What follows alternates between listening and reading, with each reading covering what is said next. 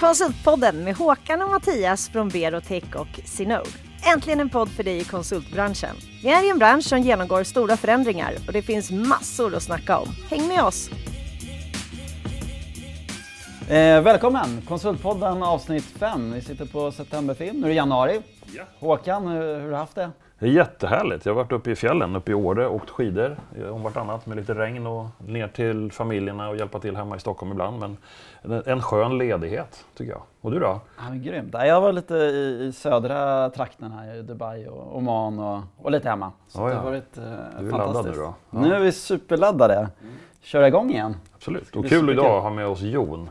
Ja, Jon Persson från Sygni. Vi ska prata om värderingar. Jag kan bara kort. Eh, Sygni har ju blivit utnämnd till Sveriges bästa arbetsplats fem gånger. Och Fem år i rad, ja precis. fem år och Europas bästa fyra, gånger. Ja, precis. Fantastiskt. Så att det ska bli superkul att, ha dig här Jon. Du får Jättekul gärna att vara berätta lite kort bara om, om dig själv. Och... Det gör jag gärna. Eh, Jon Persson alltså, VD på, på Sygni då.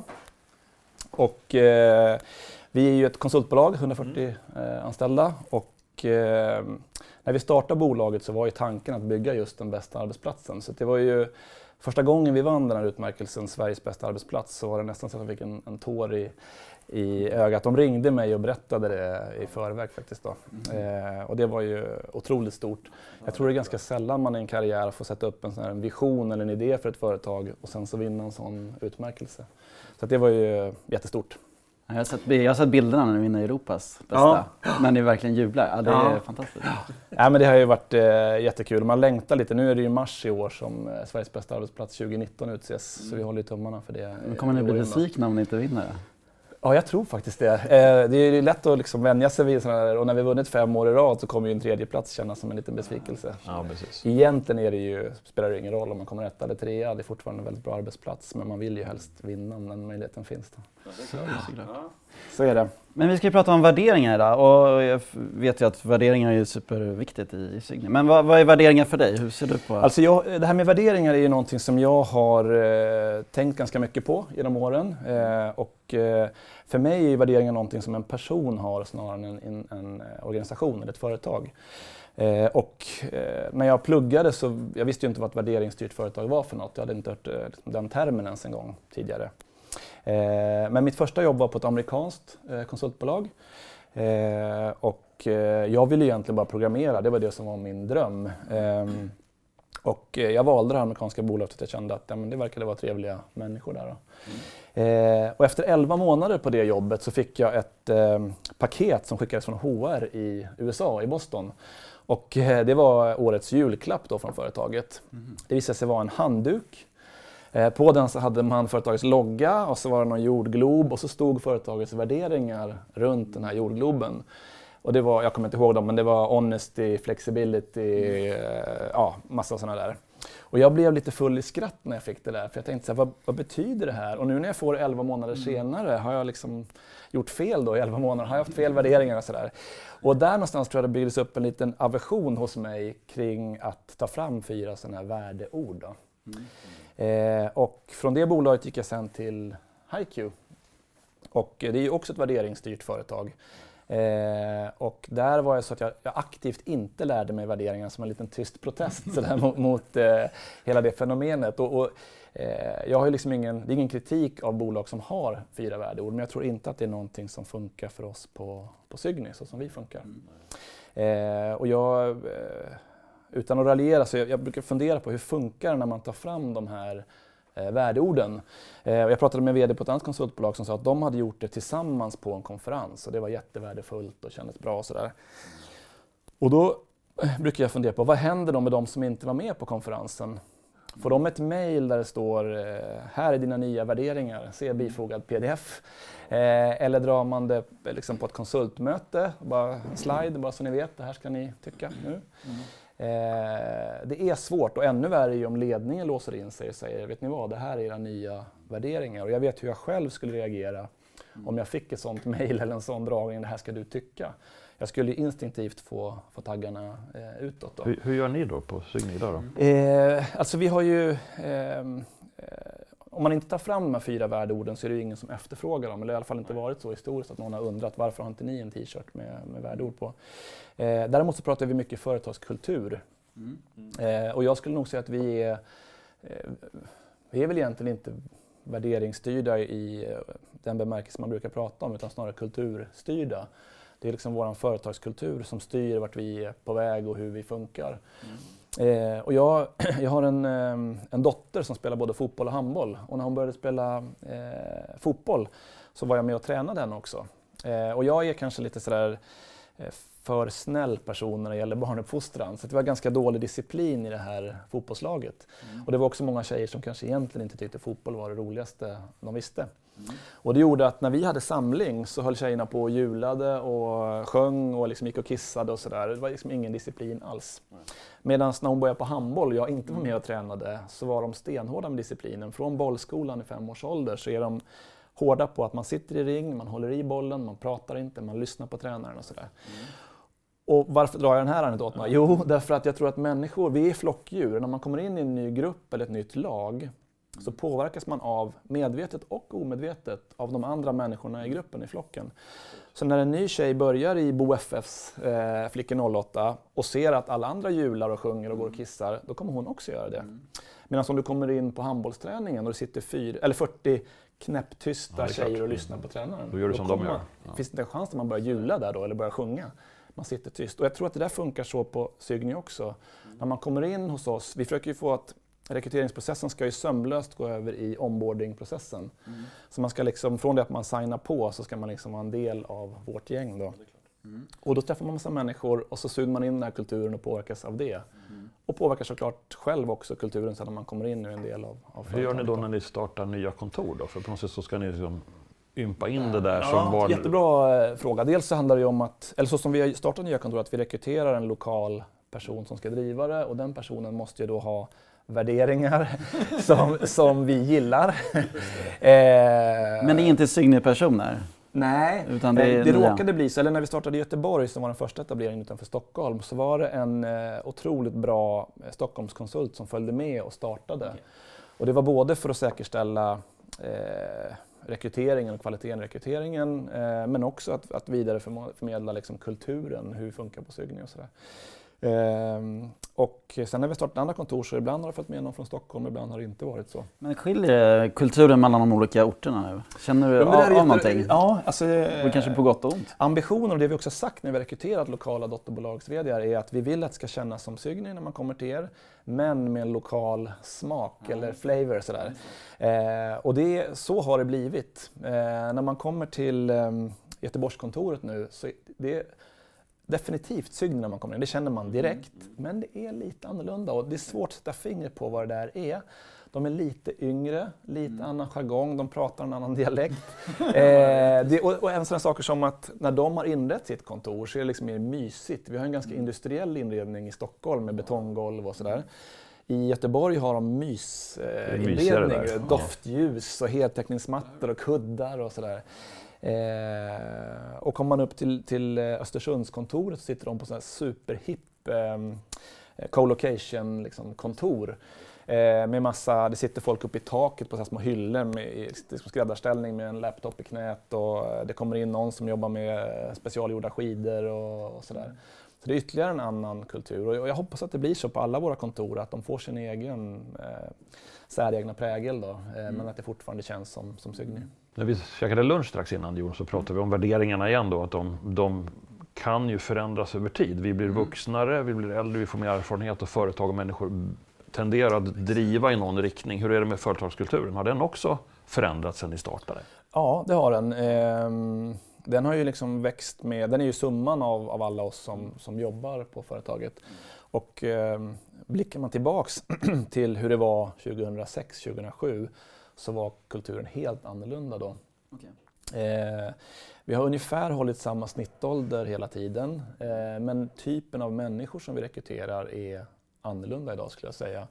Eh, från början var det bara seniora Java-programmerare ehm, och idag så anställer vi UX-designers och frontändare och agila coacher och sådär. Så det beror mer på vilka marknadsbehov som finns. Det har ju kanske inte med kulturen att göra, tänker jag. Då, men Nej, Eller får du en annan kultur? För Alltså, du, om ja. man tittar på, om man skulle ställa upp 10 av våra UX-designers och 10 av våra Java-programmerare så är de olika. Ja. Jo, men det kan jag tänka. Då blir kulturen annorlunda. Och, ja, och det påverkar kulturen också. Då.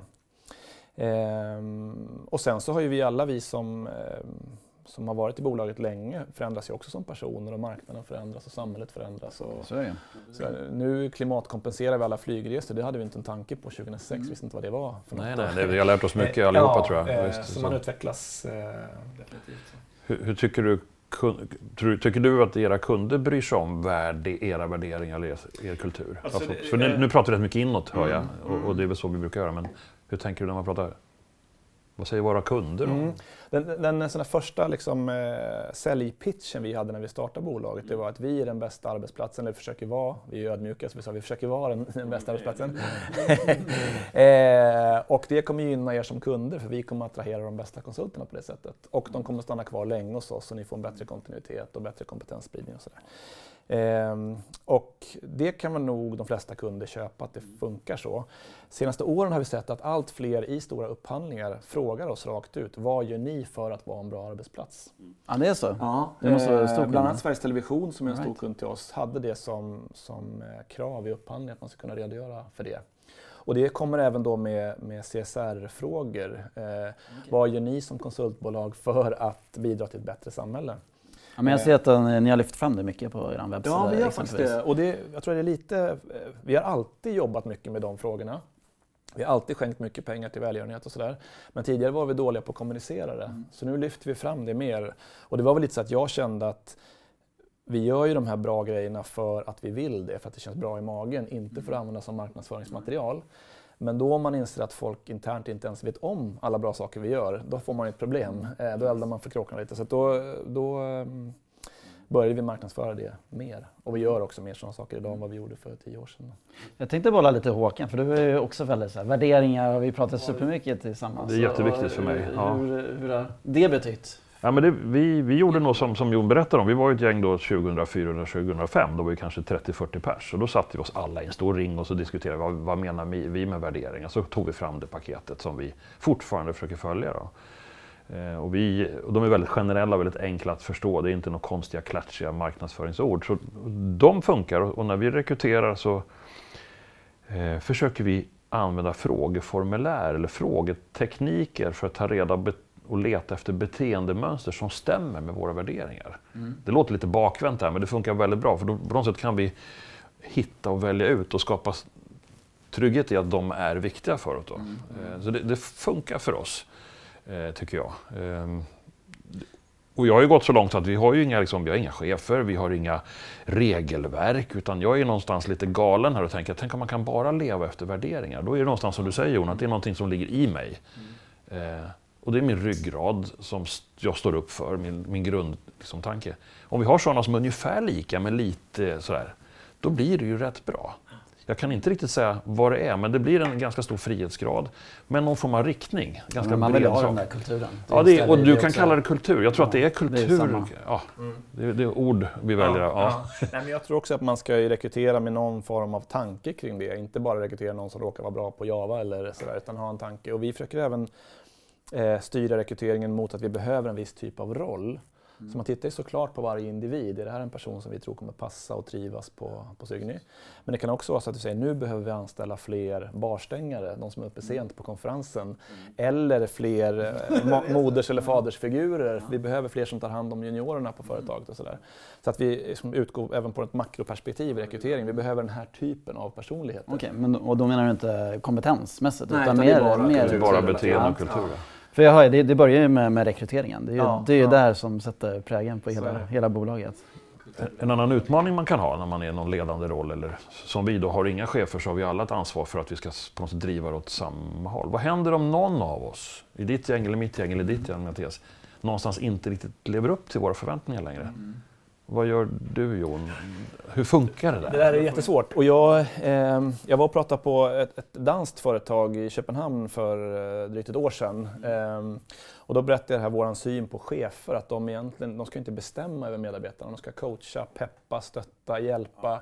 Eh, de ska vara liksom advokat, pe- personal trainer, allt sånt där. Och bara liksom hjälpa medarbetarna att må bra, utvecklas och leverera i uppdragen och sådär. Och så pratade jag om vår konsultchef Annika som har sagt att hon blir platonskt förälskad i sina medarbetare. Mm. Eh, och det där skrattade de åt, eh, de danskarna som var där då. Och så räckte någon upp handen och sa, vad gör ni när ni ska sparka någon som ni är kära i då? Mm. Eh, och det är en ganska bra fråga. Och tydligen i Danmark kan man sparka folk ja, till höger och vänster. Det är någon annan arbetsrätt där. Men, eh, eh, och det är lite det som du är ute efter ja. Håkan. Med, med, vad gör man då om någon inte sköter sig? Eller, ofta så är det ju så att de kanske har en tuff period hemma eller så inte levererar i uppdraget. Så. Och min inställning är att vi stöttar dem till 100 procent. Eh, det är liksom våran, både det bästa sättet att driva företaget men också vårt ansvar som arbetsgivare att, att göra mm. det. Och det, jag har sett massor med personer i min karriär som inte levererar alls under ett eller två år och sen kommer tillbaks och blir jättevärdefulla för företaget. Men har ni aldrig känt att det blivit en riktig felrekrytering? Jo, vi har gjort några där vi har landat fel. Eh, och förhoppningsvis så har vi lärt oss av det också. eh, en sak som vi trycker jättemycket på är att vi måste bedöma liksom, yrkeskompetens eller teknisk kompetens separat från personlighet. Eh, för jag tror de gånger vi har gått fel så har det varit kanske personer som varit superstarka tekniskt mm. och sen tycker man okej okay, personlighetsmässigt. Och vi har ju tio kunder som skriker efter att utveckla det här eh, och så får man inte göra. Så snarare det något som vi gör ännu mer nu att vi är ännu striktare när vi rekryterar. Och vi har en massa sådana här policies att om, om, alla som träffar en kandidat har, vit, har eh, vetorätt. Så att, eh, är det fyra som säger ja, vi borde anställa honom eller henne och det är en som säger nej. Men hur ser rekryteringsprocessen ut? Det är väldigt eh, intressant. Ja, den är ju ganska tror jag, standardmässig på många sätt. Eh, vi, det handlar om att få in kandidater först och det får vi via eh, annonser, LinkedIn och rekryterare och eh, tips från andra medarbetare och sådär. Mm. Eh, första steget är en, en eh, intervju på kontoret, eh, ofta med två konsultchefer. Eh, och det som kanske skiljer oss där från andra bolag är att vi fokuserar väldigt mycket på den här personen, kandidatens drömmar och visioner och idéer. Mm. Så att vi tycker att det ska vara ömsesidigt. Vi ska inte utvärdera kandidaten utan kandidaten ska utvärdera oss. Mm. Och jag älskar när en kandidat säger att det här låter jättebra men jag skulle vilja träffa någon av era konsulter och käka lunch med dem innan jag bestämmer mig. Mm. För det är ju bra för bägge parter. Eh, så, så, det gör vi. Sen har vi ett, ett, ett hemtest. Eh, och går det bra så kommer man in och kör en, en intervju. Och det är någon kodtest eller? Kodtest för programmerare. Ja. Det är eh, andra tester för UX-designers och sådär. Eh, och eh, så går man igenom det. Ehm, och sen så eh, ja, är det en tredje intervju med liksom en, ja, i ett erbjudande i sånt fall och, och liksom mm. stänga ihop säcken. Då. Mm. Eh, så att det, det egentligen sticker inte ut någonting Nej. där. Det är inget så unikt som vi gör, eh, tycker jag. Eh, kanske att vi är mer restriktiva än vad, vad många andra är, speciellt mm. i den här marknaden. Då. Och så jobbar ni jättemycket med att motivera medarbetarna och väldigt mm. låg personalomsättning. Ja. Vi har ju över 20 procent kanske i branschen. Ja. Vi ligger betydligt vi, lägre. Ja, vi ligger på några procent där. Och jag tror att ehm, eh, en försiktig och restriktiv rekryteringspolicy föder en låg personalomsättning. Yes. Eh, så det är viktigt. Men sen är det också att man inte eh, översäljer när man rekryterar, man får inte lova för mycket. Och idag så, de som vi anställer, de har ju träffat kanske tio företag, väljer ut fem och går vidare med och sen löneförhandlar de mot tre. Mm. Eller med tre, så det är ju egentligen en upphandling av en arbetsgivare de gör. Mm. Eh, och då är det lätt att liksom bli för mycket säljare och det, vi kämpar jättemycket med att inte lova för mycket. Och sådär. Jag fick en tanke. Vi sitter här runt det här bordet på Södermalm nu och vi har någonstans samma, vi kommer från samma ställe delvis. Alla, ni två jobbar på HiQ. Jag mm. jobbade med Lasse Stugemo och många som kom från Enator till HiQ. Och vi på Berotech har också jobbat med det som på Enator hette filosofikurser. Mm. Där man på något sätt åker iväg med de hyfsat nyanställda iväg på någon vecka. På den tiden åkte man till Kanarieöarna. Mm. Det var förr. Nu kör man det över ett dygn hemma i Solna. Liksom. Men det är ändå samma idé om att samla många nya från olika orter för att ympa över kultur och diskutera och man får träffa de som startade företaget. För att på något sätt vara någon brygga med kultur och värderingar. Alltså, jobbar ni så? Jobbar du med motsvarande saker? Ja, vi, vi har, ett, eh, vi har massa insatser i den eh, riktningen. Så att säga. Vi har ett introprogram för alla nyanställda. Eh, och det, eh, vi åker inte iväg någonstans och kör det utan man kör det på kontoret. Däremot så samlas alla från olika kontor på mm eh, något av Signingkontoren och kör ett program. Då. Eh, och då går vi igenom eh, lite historik för företaget och eh, konsultrollen mm. och sådär. Eh, och det är lite att de äldre konsulterna kanske får dela med sig mer och de yngre får suga åt sig och sådär. De som vi anställer direkt från högskola och universitet går dessutom med vårt talangprogram i två år och får extra gnuggning där. Och... Det är superseriöst ja. Ja, ja, det är det faktiskt. Eh, Men de varvar konsultuppdrag med någon Ja, de sitter egentligen på ett uppdrag men varvar det med utbildningar. Eh, och det är ungefär 60% teknik, 20 metod och 20% konsultroll och kommunikation. Och, och vi ser ju de som har gått vårt talangprogram efter två år, det finns ingen som slår deras CVn. Det är jättekul. Det är en av de grejer som jag är mest stolt över med, med Signy. Det- De får en kanonstart på sin karriär. Eh, sen har vi fadderprogram och det började med när vi anställde de första då kallade vi dem traineer ursprungligen, nu är det talanger. Då. Eh, men då, eh, då skulle de få varsin fadder som ska hjälpa dem att komma in i företaget. Sen gick det ett halvår så anställde vi någon som hade jobbat i två år som sa men jag vill ju också ha en fadder. Ja, det är klart du ska ha det. Och sen anställde vi någon som har jobbat i 30 år, det är klart han ska ha en fadder också. Och sådär. Eh, så idag, alla tjejer och killar som kommer in får en fadder och då väljer vi en person som vi tror passar bra. Eh, det behöver inte vara någon som är äldre. Nej. Det kan vara någon som också gillar wakeboard eller som också gillar eh, Nej, men mentorskap, jag gillar det här nya mentorskap när man från en äldre tar en yngre också. Det har ju börjat komma mycket mer. Man får, får det utbytet också. Och det, alltså, jag tror inte, det finns ingen prestige i det heller, att någon som är äldre måste, kan inte ha en yngre chef yngre mentor. Och så där. Eh, Det funkar jättebra. Och sen så, som jag sa tidigare, den här sömlösa övergången från rekrytering till onboarding. Att man skriver inte på och sen hör man ingenting eh, på tre månader utan man är inne i företaget. Och när vi åker på konferenser så är det alltid massa nyanställda med som inte har börjat än. ja det är supersmart. Ja. Det är jättebra. Vi var ju på ett, ett tioårsjubileum i eh, Kalifornien eh, och då tror jag det var åtta eller nio nyanställda som inte hade liksom, börjat än, som följde med till Kalifornien. Eh, och då tänker man, ja det blir dyrt. Ja, men vilken start de får. De kommer hem och känner hela företaget, eh, har fått höra massa sådana här historikpresentationer och var med på grupparbeten och, och sådär. Och vi jobbar ganska mycket också med sånt som kanske inte syns för medarbetarna. När vi åker på konferenser så tänker vi igenom vem ska dela rum med vem. Vi sover alltid i tvåbäddsrum. Eh, och man får inte välja sin kompis. Cheferna bestämmer vilka som bor ihop för att man ska kunna para ihop och skapa nya vänskaper och nya konstellationer och sådär. Och även få in de som kanske inte har lika lätt att komma in i en gemenskap. Eh, så.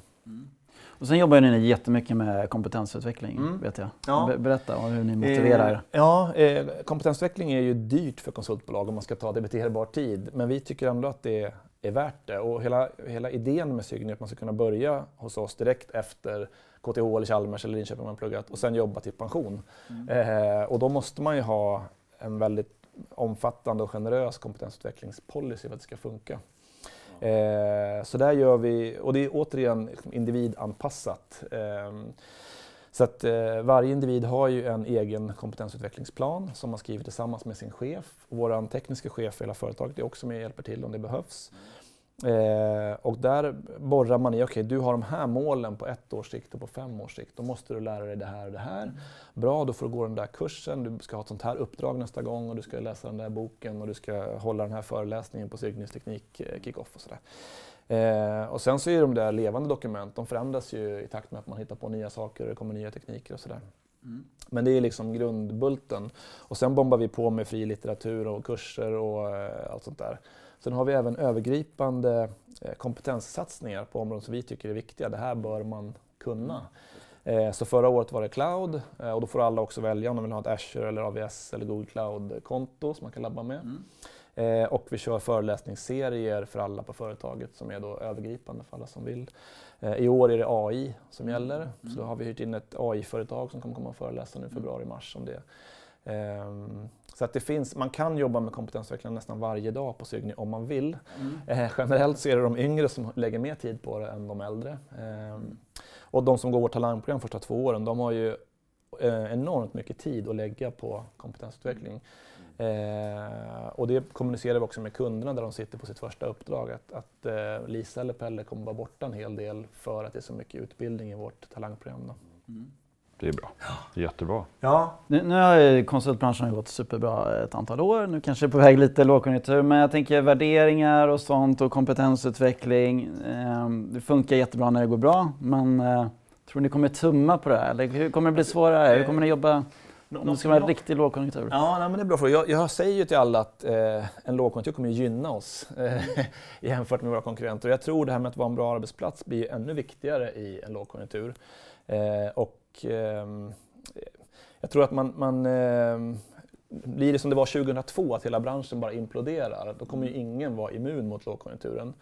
Men eh, blir det bara liksom sämre tider, en vanlig lågkonjunktur, så kommer vi dansa igenom den ganska bra. Vi har så mycket kring lag och samarbete och sådär i vår företagskultur och hela ekonomiska modellen och lönemodellen hänger också ihop med att bygga starka lag. Eh, så jag tror att skulle vi få lite folk på bänken, jag tror vi hade en beläggningsgrad på 98 procent förra året. Jag tror inte att vi kommer ha det 2019. Jag, man ser tecken på att det börjar vibrera här och där. Eh, men det kommer liksom inte drabba någon enskild individ hos oss utan vi kan fortsätta hålla ihop som ett eh, lag. Mm. Och sen tror jag att det kan vara nyttigt också för många av de yngre konsulterna att se att eh, det kan vara sämre tider. Och, eh, jag, jag, menar verkligen inte att raljera det, jag var likadan. Jag gick ut 98 eh, och åkte på konferenser till höger och vänster och hade det hur bra som helst och man skulle ha 15% lönelyft varje år. Mm. Och, och eh, mina föräldrar som jobbade i offentlig sektor sa ju redan då, det här kommer aldrig hålla Jon, du fattar det va? Och jag, jo, jo, det är nya ekonomin. Det här kommer, jag är IT-konsult, vet du, det här är lugnt. Um, och jag, jag, ser lite samma tecken på de som kommer ut nu. De, ju, de var ju barn kanske eh, när det var lågkonjunktur förra gången. De gick i ettan eller på dagis när det var lågkonjunktur, så de har ju bara sett det. Eh, så det är väl kanske nyttigt också att se att ekonomin svänger fram och tillbaka. Och så. Hur tänker ni göra, eller ja, hur jobbar ni med försäljningsarbetet? Så där, lite mm. spännande, för det är, ju liksom, det är ju det som är möjliggöraren oavsett konjunktur. Ja. Men hur, hur, jobbar ni? Eh, jag låter kanske som en trasig grammofonskiva här, men även säljprocessen ska ju ska stödja vår vision om att vara den bästa arbetsplatsen. Och det där var ju någonting som vi pratade mycket om i början. Hur ska säljet se ut och funka på en arbetsplats som inte är ute efter att sälja så mycket som möjligt utan för efter att vara en bra arbetsplats. Mm. Eh, och vi har ju väldigt, väldigt lite sälj egentligen hos oss. Om man kollar i Stockholm så är det 100 anställda, mm. 40 underkonsulter, så vi belägger 140 konsulter där på sex konsultchefer. Men de är ju chefer, säljare och rekryterare.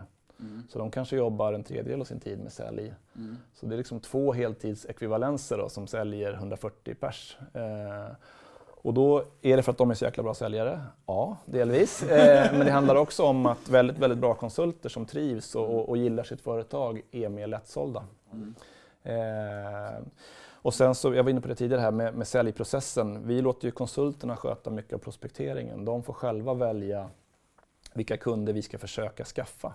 Mm. Och idag tycker vi att vi börjar bli så pass stora i Stockholm så vi har liksom de här kunderna som man vill ha. Mm. Eh, men ibland kan någon komma och säga att jag vill att vi ska jobba med Fishbrain för jag älskar mm. fiske. Mm. Och då, men säljer ju mekaniskt. Vi kan aldrig lova att vi kan få Fishbrain men vi kan eh, nöta på dem tills vi till slut kommer in och får chansen. Och det där är otroligt starkt som konsultbolag, att en konsult får komma, jag, jag vill sitta på just den här kunden. Bra, vi försöker fixa det. Eh, och även om man inte lyckas få den kunden, bara att säga att nu har vi ringt den och den personen och vi jagar på och vi kommer ja, fortsätta sådär, är jättestarkt. Då. Men då har ni inte bara ramavtalskunder, stora Nej. starka, utan ni jobbar också med många små? Ja, det gör vi. Jag tror den där eh, kombinationen är jävligt bra. Den är jättebra. Och, den, och I och med att vi individanpassar så mycket, vissa vill ju sitta på stora kunder, mm. andra vill sitta på startups och sådär. Mm. Och det där är verkligen någonting som förändras över tid. Mm. För det var, när vi startade så var det finans som många tyckte vi skulle satsa på. Det mm. lät liksom häftigt. Eh. Jag tror de hade en bild av att det var mm. snabba bilar och rosa skjortor och champagne på fredagar och sådär. Och så testar man ett, ett uh, finansuppdrag. Så, ah, men det här var inget kul, liksom. jag skyfflar XML-filer och liksom, med transaktioner här.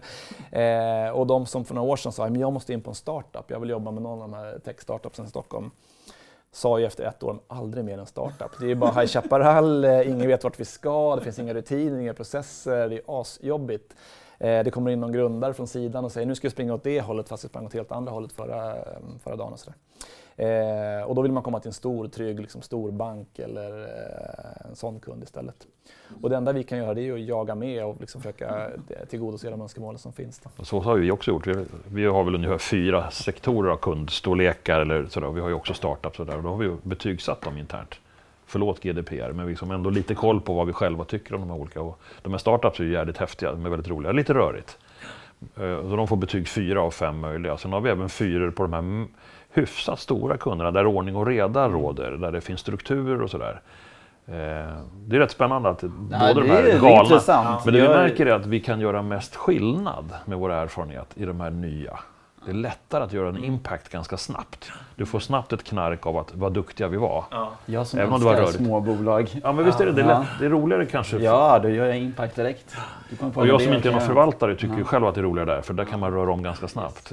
Och sen kan man skära det på olika vinklar. En del säger jag vill jobba med ett känt varumärke. För när jag träffar mina polare vill jag säga att jag jobbar med den här stora Mm, musikstreamingtjänsten. Ja, eller vad det nu är. eh, eller när jag träffar mamma vill jag säga att jag jobbar med Lensway för att hon köper sina glasögon och linser där. Eller sådär. Och andra tycker att nej, men jag vill sitta på en kund där ingen någonsin har suttit från Signy. Jag vill vara den första. Alla har olika önskemål där. Eh, en till grej som, som, som skiljer ut oss när det gäller sälj, eh, det är ju att alla har fasta löner på hela företaget. Inte bara de som jobbar med försäljning, utan alla har fasta löner. Och vi mäter inte heller ens vem som säljer vad och hur mycket. Ingen vet vem som säljer mest på, på Signy. Eh, och det där är inte bara en slump, utan det var också en medveten strategi vi hade från början. Eh, tanken var att ehm, eh, om man har provisionsdrivna säljare så kommer de vilja sälja där de kan göra affär. Och de kommer också ibland tendera till att övertyga konsulten om att ta ett uppdrag som konsulten inte vill ha. Eh, och den mekanismen är jättefarlig tror jag. Konsulten måste få känna att man är på samma lag som sin säljare eller konsultchef. Ehm, och eh, tar man bort provisionen från säljarna också så får man även effekten att man kan samarbeta. Så där, vet du vad, jag har den här kunden och jag klickar inte med inköparen eller utvecklingschefen. Kan inte du ta över istället? Eller ska vi gå tillsammans på ett kundbesök? Ja, det är bra. Eh, och nu ska jag vara mammaledig eller pappaledig, kan inte du köra den kunden? Och det blir ingen bråk om vem som ska ha vilken provision och sådär. Eh, Men har ni, nyckel, har ni inga nyckeltal för koncern? vi mäter ingenting. Ingenting. Eh, vi har inga som, kopior. eh, Det är som vi. Ja, eh, Jag tittar på, sitter någon på bänken? Nej det gör det inte. Ja, men då går det bra. Nej, då är det, då är det enkelt. Sen kommer lågkonjunkturen. Ja. ja, fast jag tror det där med att mäta, det är ju inte bara att man skaffar sig information. Det påverkar ju... Eh, du kan inte mäta något utan också påverka det du mäter. Plus att det kostar massa pengar att mäta. Och jag- det där är ju liksom... Jag kanske blir lite uppeldad när jag pratar värderingar, men när jag pratar om att mäta människor på mål, då, det, då blir jag ännu mer eh, uppeldad. Eh, för det är, om, om jag säger till en medarbetare, vet du vad, jag mäter dig på de här fem KPI-erna. Det man säger då är att ditt jobb är så jävla enkelt så jag kan liksom reducera det till fem mätetal. Uppfyller du de fem, då är du bra nog. Då dödar man ju allt engagemang hos den personen. Den personen kommer ju uppfylla de här fem, men inte göra en tum till. Eh, och dessutom kommer man ju säga att eh, jag vet bättre än vad du vet hur du ska göra ditt jobb. För jag kan säga att de här fem mätetalen är viktiga, det kan inte du bedöma själv. Och jag vill så långt bort från det som man Ja, det kan komma och istället komma och säga, vet du vad, vi ska göra det bästa möjliga av det här och du är experten på det. Du ska Det skapar väldigt kreativitet. Det är då det blir nya grejer gjorda. Ja.